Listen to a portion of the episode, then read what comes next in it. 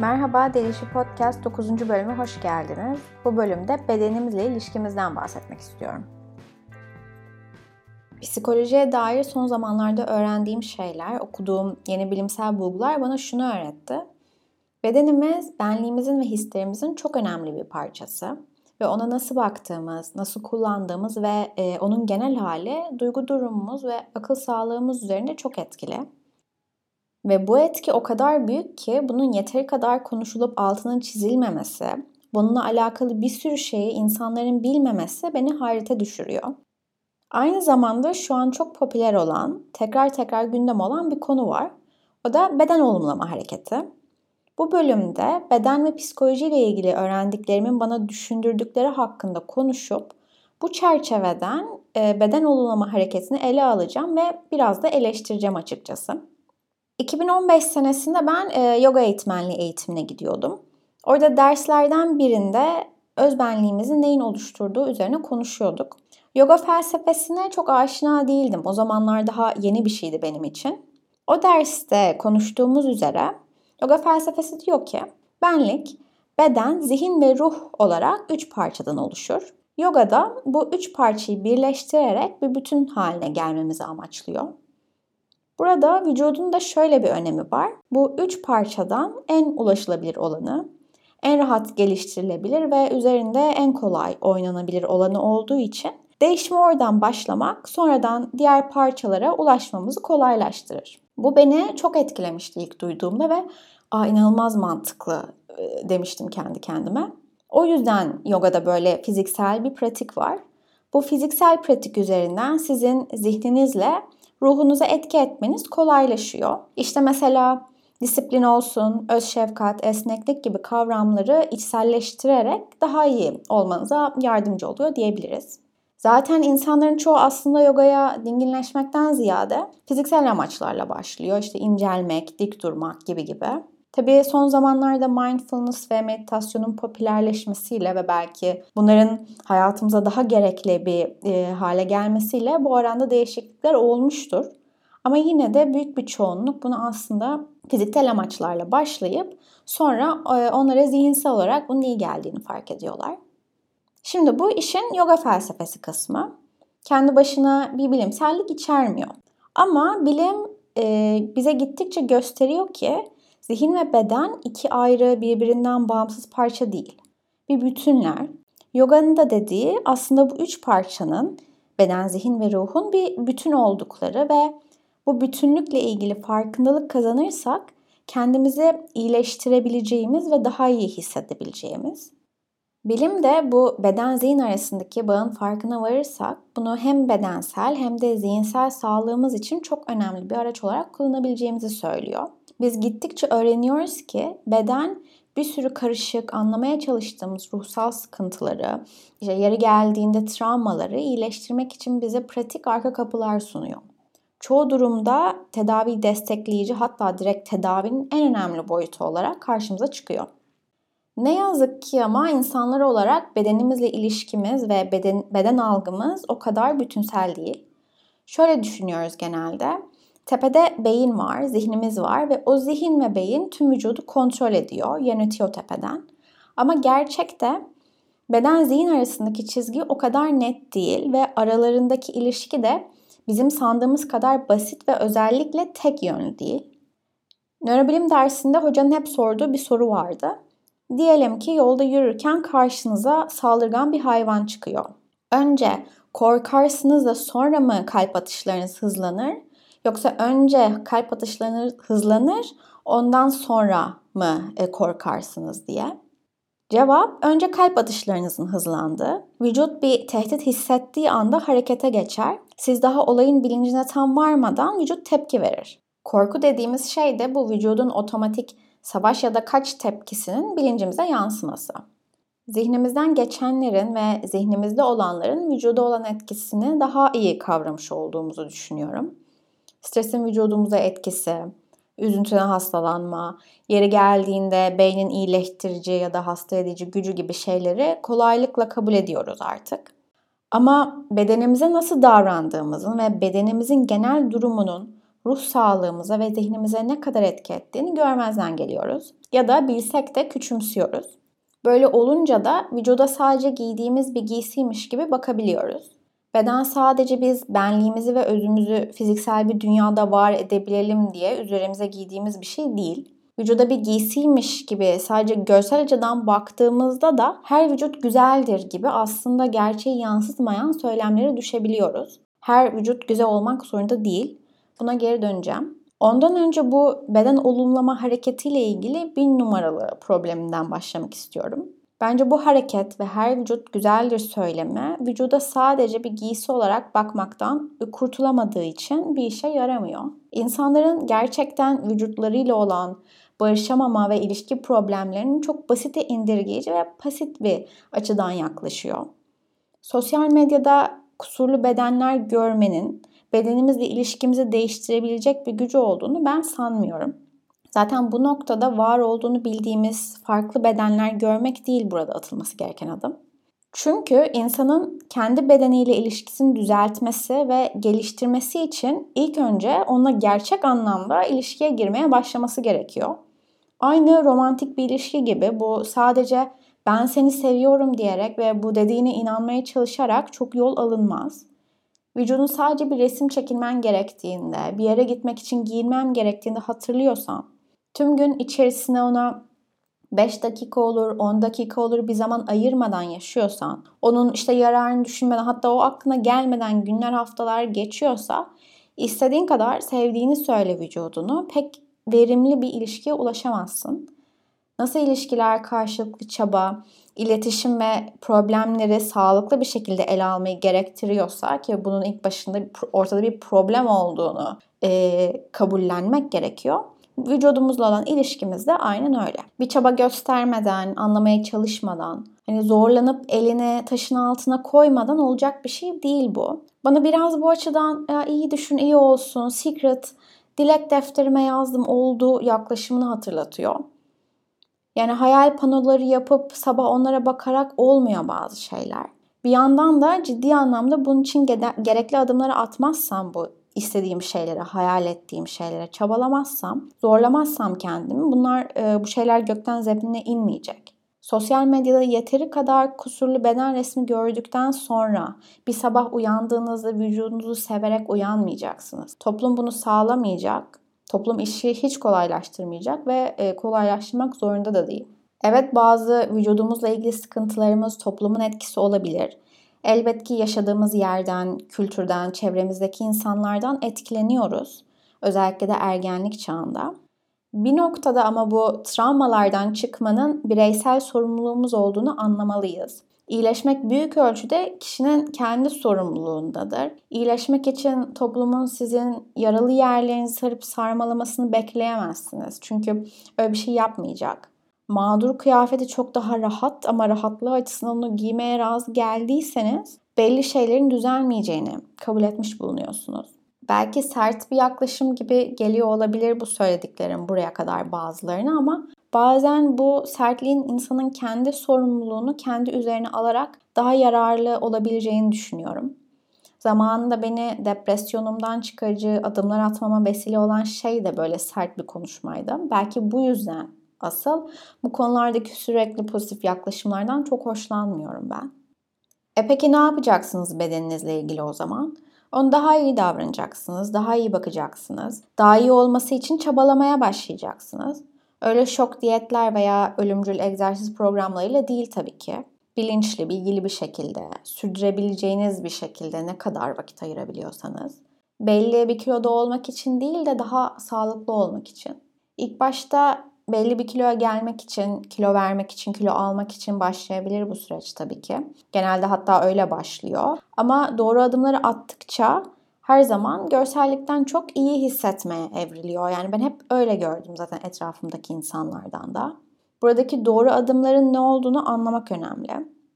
Bilgiye ulaşmak artık çok kolay. Instagram'da hatta TikTok'ta bile Güvenilir hesapları takip edip sağlığınızla ilgili çok fazla bilgi edinebilirsiniz. Çok bilgi kirliliği var evet ama bilgi edinmek için vakit harcadıkça doğru ve yanlış bilgileri de ayırt edebilmeye başlıyorsunuz. Kimi dinleyeceğinizi, dinlemeniz gerektiğini anlamaya başlıyorsunuz. Nasıl ki belli aralıklarla dişçiye gitmek bir sorumluluk, diş fırçalamak sorumluluk, bedeninize de belli bir çabayı göstermek bir sorumluluğunuz. Nasıl ki biz insanların kişisel gelişimine, karakter, kültürel gelişimine belli bir emek göstermiş olmasını bekliyoruz. Bedenine de belli bir emeği göstermesini beklemek o kadar da absürt bir şey değil aslında. O emek miktarı kişinin kendi tercihine kalmış bir şey tabii ki her zaman ama kendimizden de beklememiz gereken bir şey bu bence. Bu konuyla ilgili yeterince söylendim. Şimdi de bunun neden aslında bu kadar önemli bir şey olduğundan bahsedeceğim. Hissettiklerimiz bedenimize ve beden dilimize yansır. Bunu biliyoruz. Beden ve zihin arasında bir sürü geri bildirim mekanizması var.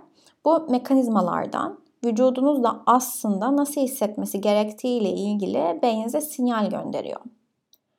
Postür ve duruşla ilgili çok fazla yapılmış çalışma var ve bunlar gösteriyor ki dik ve göğüs açık, e, güçlü duruşlar insanların kendilerini daha güçlü hissetmelerine, modlarının yükselmesine ve genel olarak kendileriyle ilgili daha iyi hissetmelerine yol açıyor. Aynı zamanda kambur, daha kapalı savunma duruşları insanların daha gergin hissetmelerine neden oluyor.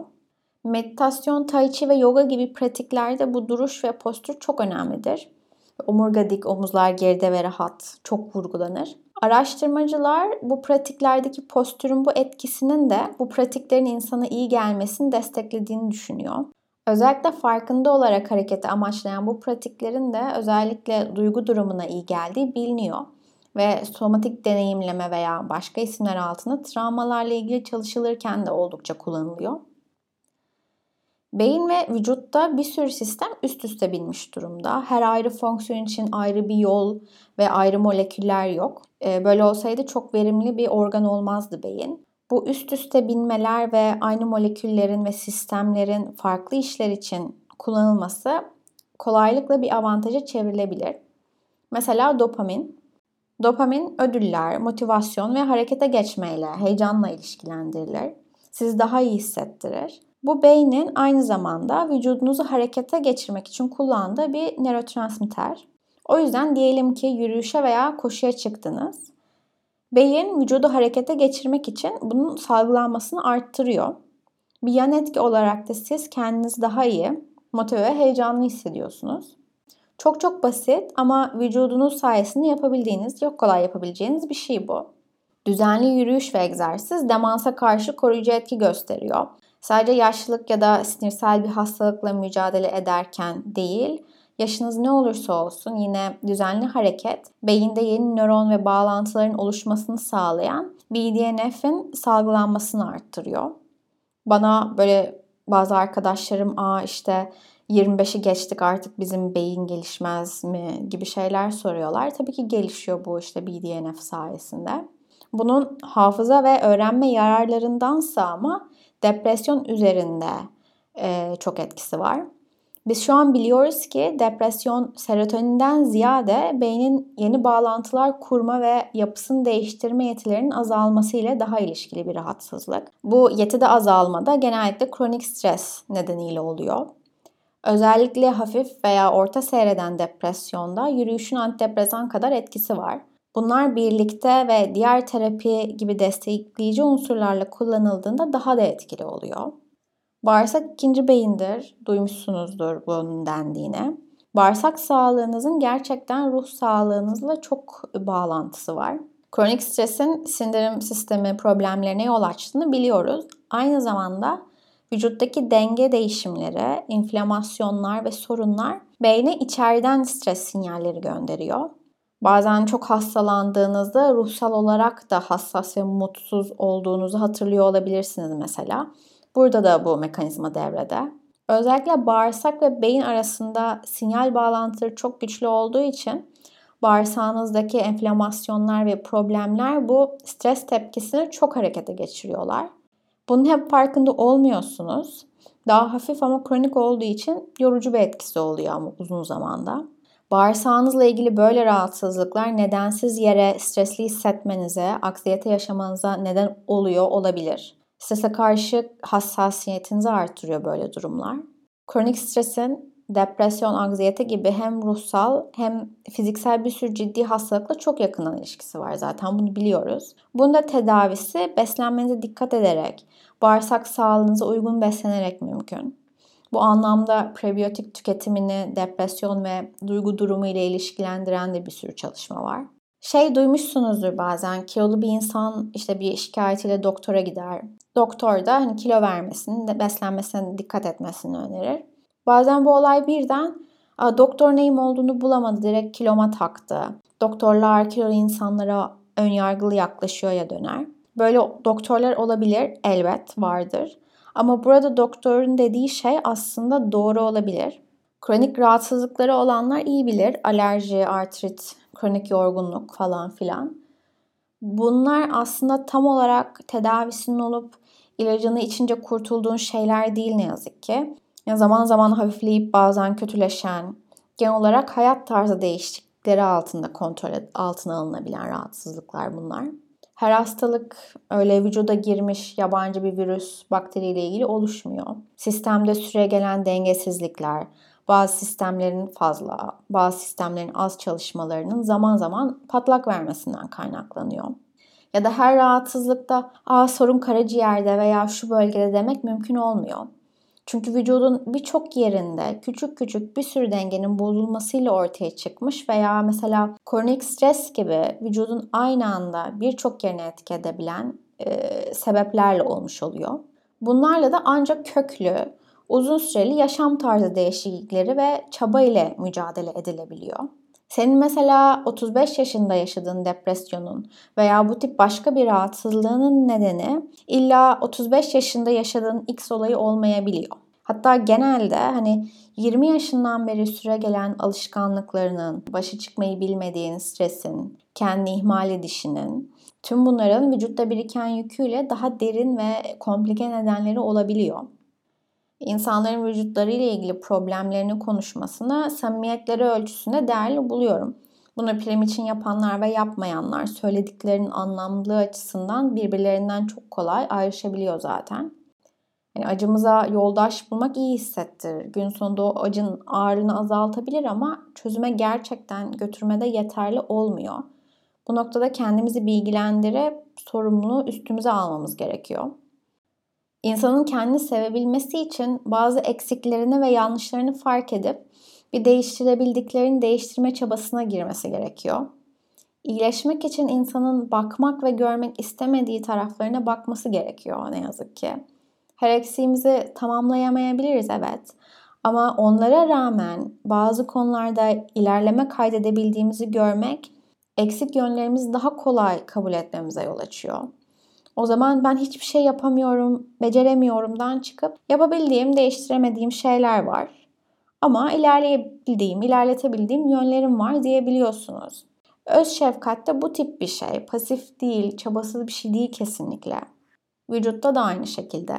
Vücudumuzla ilgili tüm hoşnutsuzluklarımızı gideremeyiz belki ama vücudumuzla ilgilendikçe, içinde daha rahat hareket edebiliyor oldukça ve ağrılarımız azalınca belki bazı şeyleri oluruna bırakıp vücudumuzun değiştiremediğimiz yönleriyle barışacağız. Çabasız sevgi olmuyor. Kolay bir şey değil. Zor bir şey. Farkındayım. Gerekirse e, profesyonel yardım da almanız gerekebilecek bir şey olduğunu düşünüyorum. Bir psikologdan, doğru bir beslenme uzmanından, bir spor hocasından. Onun dışında küçük değişikliklerle başlıyor her şey. Zaten belki günde sadece 5-10 dakikanızı ayırarak başlarda e, çok büyük değişiklikler yapabilirsiniz kendinizle ilgili. Vücudunuz daha iyi hissettikçe vücudunuzla ilgili de daha iyi hissetmeye başlıyorsunuz zaten. Son sözüm şu. Vücut böyle bir şey işte. Yani o yüzden ona iyi bakmak, onunla ilgilenmek zorundasınız. Vücudunuzla ilişkiniz ancak onu dinlemeyi öğrenip ona ihtiyaçlarını doğru şekilde vermeyi başladığınız zaman düzelecektir. Evet bu bölümlük bu kadar. Umarım dinlerken keyif almışsınızdır. Bölümle ilgili ve podcast ile ilgili tüm yorumları Delişi Podcast Instagram sayfasından bana yazabilirsiniz. Ayrıca bölümle ilgili yorumlarınızı ve puanlarınızı dinlediğiniz platformdan yaparsanız çok teşekkür ederim. Bir sonraki bölümde görüşmek üzere. Kendinize iyi bakın.